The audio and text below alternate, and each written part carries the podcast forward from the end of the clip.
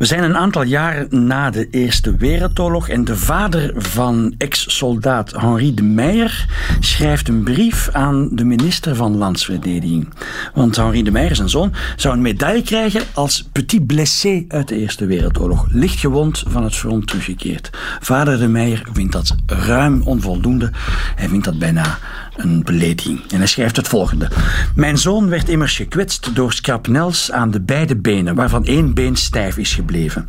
Na de verschillende operaties is hij, zoals uw bestuur wel zal weten, krankzinnig uit het hospitaal gekomen. Hij is nog immer opgesloten in het krankzinnige gesticht van Mortsel, als zijnde ongeneesbaar.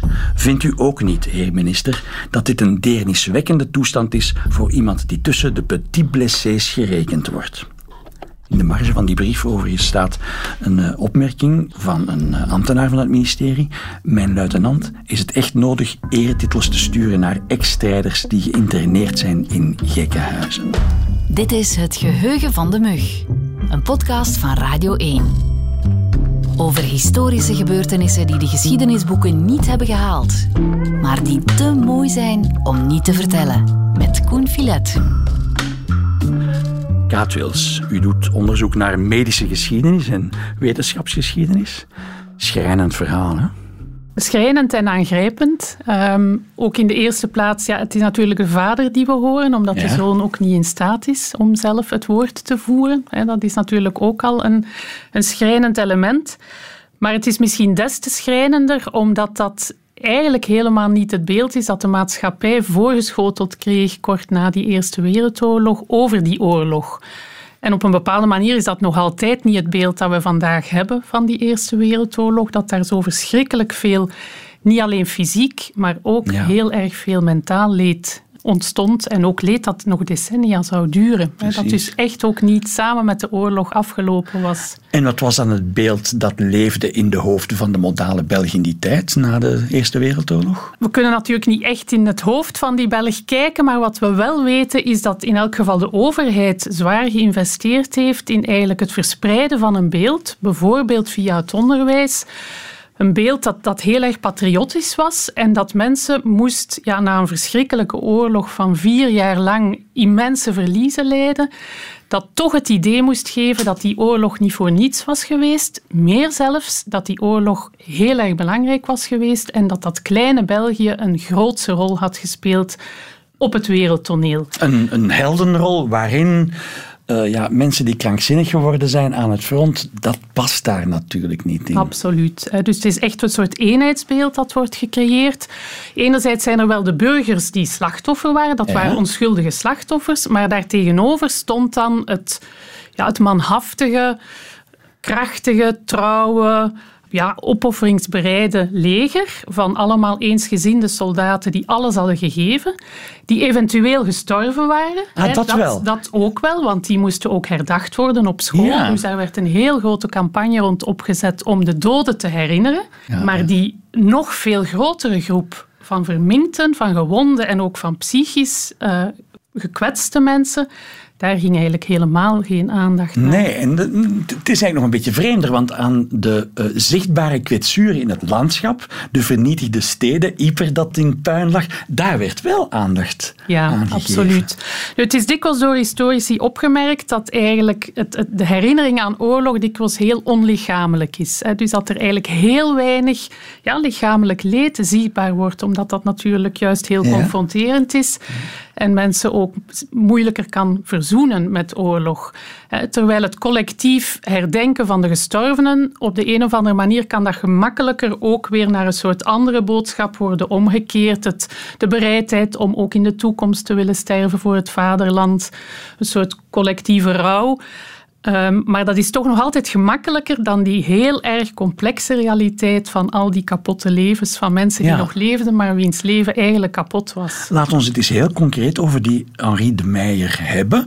Zijn vader zegt hij is in het uh, krankzinnige gesticht terechtgekomen als zijnde ongeneeslijk. Weten we wat er met die man aan de hand was? In dit concrete geval uh, weten we dat niet heel precies en we weten dat eigenlijk zelden heel precies over al die soldaten, maar we weten wel, of laten we zeggen dat we wel het, het globalere plaatje kennen. Uh, namelijk dat al tijdens de oorlog duidelijk werd dat ook los van heel zichtbare fysieke wonden, uh, of een been dat, dat eraf lag of een, een verminkt gezicht, dat er ook enorm veel fysieke en mentale kwetsuren waren waar men eigenlijk geen onmiddellijke oorzaak voor zag. Dat is al in de loop van de oorlog duidelijk geworden. In 1916 is daar al die benaming shell shock uh, voorgekomen. Er waren ook heel veel andere benamingen voor. Oorlogsneurose, oorlogstrillingen. Elk land had zijn namen. Het was een heel divers scala van symptomen. Ja. Um, verlammingen, doofheid, blindheid, stomheid. Dus eigenlijk typisch functionele stoornissen. Het lichaam dat niet meer mee wil, of dat enorm zijn eigen gang begint te gaan, begint te trillen, begint heel gekke bewegingen te houden. Ja, daar zijn gruwelijke filmpjes van te vinden op YouTube. Als, je, als je dat even googelt, Wereldoorlog 1 shellshock, dan zie je inderdaad van die vrij jonge mannen die in een kamer rondlopen en zich ja, trillend en bevend en voor zich uitstaan. Gebaren. En daarnaast ook, ook psychisch, hè, heel onrustig, slapeloos, passief, hallucinaties, psychosen. Echt eigenlijk het hele scala aan psychische kwetsuren zie je daar bij elkaar. Op grote schaal in alle oorlogsvoerende landen. Men was niet helemaal onbekend met het feit dat oorlog uh, ook psychisch zware kwetsuren teweeg kan brengen, maar op die schaal had men het nog nooit gezien. Maar ging men er ook niet achterdochtig mee om, als zijnde dat dat simulanten waren die uh, uit een soort van lafheid probeerden uit de loopgraven weg te jagen? Dat was absoluut, laten we zeggen, de eerste blik die, die er wordt, werd geworpen op dergelijke ja, Het eerste oordeel zelfs, ja, je, je bent een uh, plantrekkerij. Ja. Ja, En dat heeft natuurlijk ook heel veel te maken met hoe de geneeskunde binnen het leger functioneerde. Uh, psychiatrie was een discipline die nog heel jong was. Als je bijvoorbeeld in België kijkt, waren er eigenlijk nog geen echt gespecialiseerde militaire psychiaters. Dus dat waren toch meestal ook wat meer algemene artsen binnen het leger. En wat hadden zij tot 1914 vooral moeten doen? Inderdaad, de simulanten, de veinzers, eruit halen. En dus zij waren eigenlijk heel erg getraind ook vanuit die optiek van aha, het leger dat loopt vol met mensen die eigenlijk niet in het leger willen zitten ja. en wij moeten die er kunnen mhm. uithalen. Dus dat is eigenlijk de bril waarmee die psychiaters in het leger kijken naar die soldaten. En zo zullen er ook wel geweest zijn. Ongetwijfeld, ja. Daar bestaat intussen ook onderzoek mhm. over. Uh, dat dat zeker ook wel een soort uitweg was voor mhm. soldaten. Daar kwam bij dat natuurlijk de legerleiding enorme druk zette op die artsen om die soldaten zo snel mogelijk terug aan het front te krijgen. Er was een permanent tekort aan soldaten in alle landen. In sommige meer dan in andere. En daar zie je ook een strakker, vredaardiger beleid naar die soldaten toe. Ja. Dus die jongens met shellshock die werden teruggestuurd naar het front? In sommige gevallen werden die teruggestuurd. Er zijn er ook die geëxecuteerd zijn. Ah, en er zijn er die stoten op meer, laten we zeggen, empathische artsen die wel zagen dat dat eigenlijk onmogelijk was. En dus een aantal van hen is ook verbleven in, in klinieken. In het geval van de ah, Belgische soldaten waren dat klinieken in Le Havre, in Calais waren er ook een aantal in Normandië, Bretagne. Dus het, het beeld is echt wel diffuus. Hè. En dus je mhm. kan niet zeggen, er is alleen maar op een heel vredaardige manier met hen omgegaan. Dat, ik denk dat dat in het bijzonder in het begin was, mhm. eh, maar dat naarmate dat fenomeen zo grootschalig en zo universeel bleek te zijn, ja, de kennis ook wel groeide dat het niet alleen maar simulatie kon zijn. Ja. Wanneer is dat wetenschappelijk echt doorgedrongen dat het bestond, het fenomeen shell shock? Ja, 1916 wordt vaak gehanteerd. Dat is een moment waarop er een aantal congressen zijn geweest. Ah, zo vroeg ehm, toch? Ja, dus hè, waar dat, dat circuleerde ook internationaal in de wetenschappelijke literatuur. Het land waar men eigenlijk het meest empathisch is omgegaan met die soldaten is de Verenigde Staten. En dat dat mee dankzij het feit is dat zij later in de oorlog zijn gekomen en zij dus die wetenschappelijke kennis ah, eigenlijk al wat hadden meegenomen. Nu, en zij hadden ook al langere ervaring, de Amerikaanse burgeroorlog, waar zich ook wel wat gelijkaardige fenomenen hadden voorgedaan. En zij hadden ook een beter ontwikkelde oorlogspsychiatrie, dus het zijn een aantal factoren. Maar ook die latere ehm, tussenkomst in de oorlog en daardoor toch iets grotere wetenschappelijke kennis heeft ook wel bijgedragen tot een meer empathische houding van Amerikaanse legerartsen. Ja. Maar dus hier bij ons heeft dat langer geduurd, zodanig dat die vader, eh, we weten niet precies wanneer die, de vader van Henri de Meijer die brief heeft gestuurd, maar dat was, dat was vele jaren na de oorlog. Dus tot vele jaren na de oorlog moest die man nog pleiten om zijn zoon erkend te krijgen als slachtoffer evenwaardig aan mensen die fysiek gekwetst waren. Ja, ja, daar komen we eigenlijk in een soort tweede problematiek terecht. Je zou kunnen zeggen, de eerste problematiek is wat gebeurde er met die soldaten tijdens de oorlog. Op het moment dat die druk heel groot was om hen opnieuw aan het front te krijgen. Ja. Na de oorlog komt er een nieuwe problematiek, de financieel-maatschappelijke ah problematiek. Daar hoort een, een, een, schadevergoeding bij. Zijn zij even gekwetst als anderen? Ja. er was de hele kwestie van de oorlogspensioenen. Mhm. Er moesten percentages van invaliditeit worden geplakt op bepaalde kwetsuren. Bijvoorbeeld als je blind was geworden, kon je tot 100% eh, werkonbekwaam worden verklaard en dus een volledig pensioen krijgen. In de officiële documenten vind je terug dat shellshock maar voor 10% zou gegolden hebben als oorlogsinvaliditeit. En dat ging echt ook wel terug tot het denkkader uit die oorlog zelf, waarbij het idee was, we mogen die soldaten ook niet te veel bevestigen in hun idee dat ze ziek zijn, want dan gaan ze nooit meer genezen. Als we zelf heel ver meegaan in het idee, ja, het is toch wel heel erg wat jij voor hebt en we moeten nu behoeden en beschermen, dan gaan ze zelf ook nooit niet meer geloven dat ze beter kunnen worden. Ja. Die wil die moest worden opgekrikt en versterkt en dus vooral niet erkennen dat dat een zwaar probleem was. Ja. U zegt dat in 1916 zo stilletjes aan de wetenschappelijke frank begon te vallen en dat de Verenigde Staten voorop lopen. Hoe zie je dat dan evolueren in oorlogen dichter bij ons? Ik denk heel concreet aan de Vietnamoorlog, de Verenigde Staten. Er zijn heel veel Amerikaanse jongens zwaar beschadigd van teruggekeerd. Ik heb niet de indruk dat er met de Vietnam-veteranen zo vriendelijk is omgesprongen. Nee, maar die Vietnamoorlog is wel het cruciale keerpunt in de hele geschiedenis van wat we vandaag posttraumatische stressstoornis noemen. Ah ja, dat is waar. De, de dus terminologie is ook veranderd. In eerste instantie zou je kunnen zeggen, men heeft niets geleerd uit die Eerste Wereldoorlog. Als je naar de Tweede Wereldoorlog kijkt, men is eraan begonnen met dezelfde soort naïviteit in zekere zin als aan die Eerste. En ook daar heeft het heel lang geduurd voor erkenning was van het trauma. In het begin ook echt alleen maar voor specifieke groepen.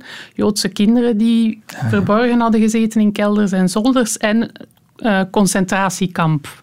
De echte omslag is er pas gekomen na de Vietnamoorlog. Niet zozeer tijdens die oorlog, maar op het moment in de jaren 70 in de Verenigde Staten als deel ook wel van een bredere cultuuromslag die anti-autoritair was, die meer oog begon te krijgen voor het geweldig kapotmakende van geweld, in een bredere zin ook. In die context, in die anti-autoritaire context van de jaren zeventig, hebben lobbygroepen van veteranen van Vietnam een stem gekregen. Men werd in die tijd natuurlijk ook geconfronteerd met heel akelig gedrag van veel van die veteranen, hè, die gewelddadig waren, die heel veel zelfmoord pleegden. Dus het is eigenlijk daar dat dan ja, een soort denk- en lobbyproces is ontstaan om dan eigenlijk in 1980 in de DSM, het handboek ehm, van diagnoses voor psychische aandoeningen, ja is voor het eerst die uh, diagnose posttraumatische stressstoornis terechtgekomen. Het gaat uw vakgebied te buiten. U bent historica, maar weet u hoe er vandaag in uh, militaire kringen met uh, posttraumatische stress wordt omgegaan? Ja, toch wel. Enfin, het gaat zeker mijn vakgebied te buiten, voor alle duidelijkheid. Uh, ik ben daar geen expert over, maar ik probeer dat toch wel een klein beetje te volgen. En daar is zeker meer aandacht voor. Dus voor psychologische begeleiding, heel specifieke uh, psychotrauma-expertise is absoluut aanwezig in het leger. En voor het Erik de Zwaar is iemand die regelmatig wel eens in de media komt na een groot uh, trauma. Dat is iemand die echt gespecialiseerd is in opvang van soldaten. Dus het is zeker iets wat, wat wel leeft en waar veel meer bewustzijn rond bestaat. Maar de eerlijkheid gebiedt ook te zeggen dat het iets is dat verschrikkelijk moeilijk te behandelen valt. Dus we weten daar natuurlijk meer over. Er zijn bepaalde technieken die met een zeker succes worden ingezet. EMDR bijvoorbeeld vandaag uh, wordt veel gebruikt, hypnose. Maar dat betekent helemaal niet dat het een echt perfect te behandelen probleem is. Zeker niet. Terug naar uw vakgebied, de geschiedenis. onze Henry de Meijer en mensen in zijn geval, soldaten in zijn geval. hebben zij ondertussen erkenning gekregen? Want u sprak daar straks ook dat er soldaten tijdens de oorlog geëxecuteerd zijn omdat ze ervan verdacht werden dat ze eigenlijk deserteurs waren, maar ze, ze hadden posttraumatische stress. Zijn die mensen in hun eer hersteld? In zekere zin wel, omdat ze ook wel in aanmerking kwamen voor bepaalde gradaties van pensioen en van medailles. Maar we kunnen denk ik niet zeggen dat er een soort collectief moment is geweest waarop, um, waarop ik zeg maar iets, excuses zijn uitgesproken voor het eigenlijk veronachtzamen van, van die enorme schade. Of die grotere kennis is pas veel later gekomen. Ehm, dankzij de 100 jaar Eerste Wereldoorlog uit de periode 2014-2018 we natuurlijk als samenleving wel veel meer hebben stilgestaan bij het grote leed van die oorlog. Maar dat is natuurlijk allemaal een vrij abstract besef. Um, en daar staat tegenover dat het, het is zeker niet zo dat er een monument is gekomen om de shellshockdoden uit de Eerste Wereldoorlog te herdenken. Dit was Het Geheugen van de Mug, een podcast van Radio 1 in samenwerking met de KU Leuven. Meer merkwaardige verhalen uit de cultuurgeschiedenis lees je in het boek Het Diner in de Dinosaurus.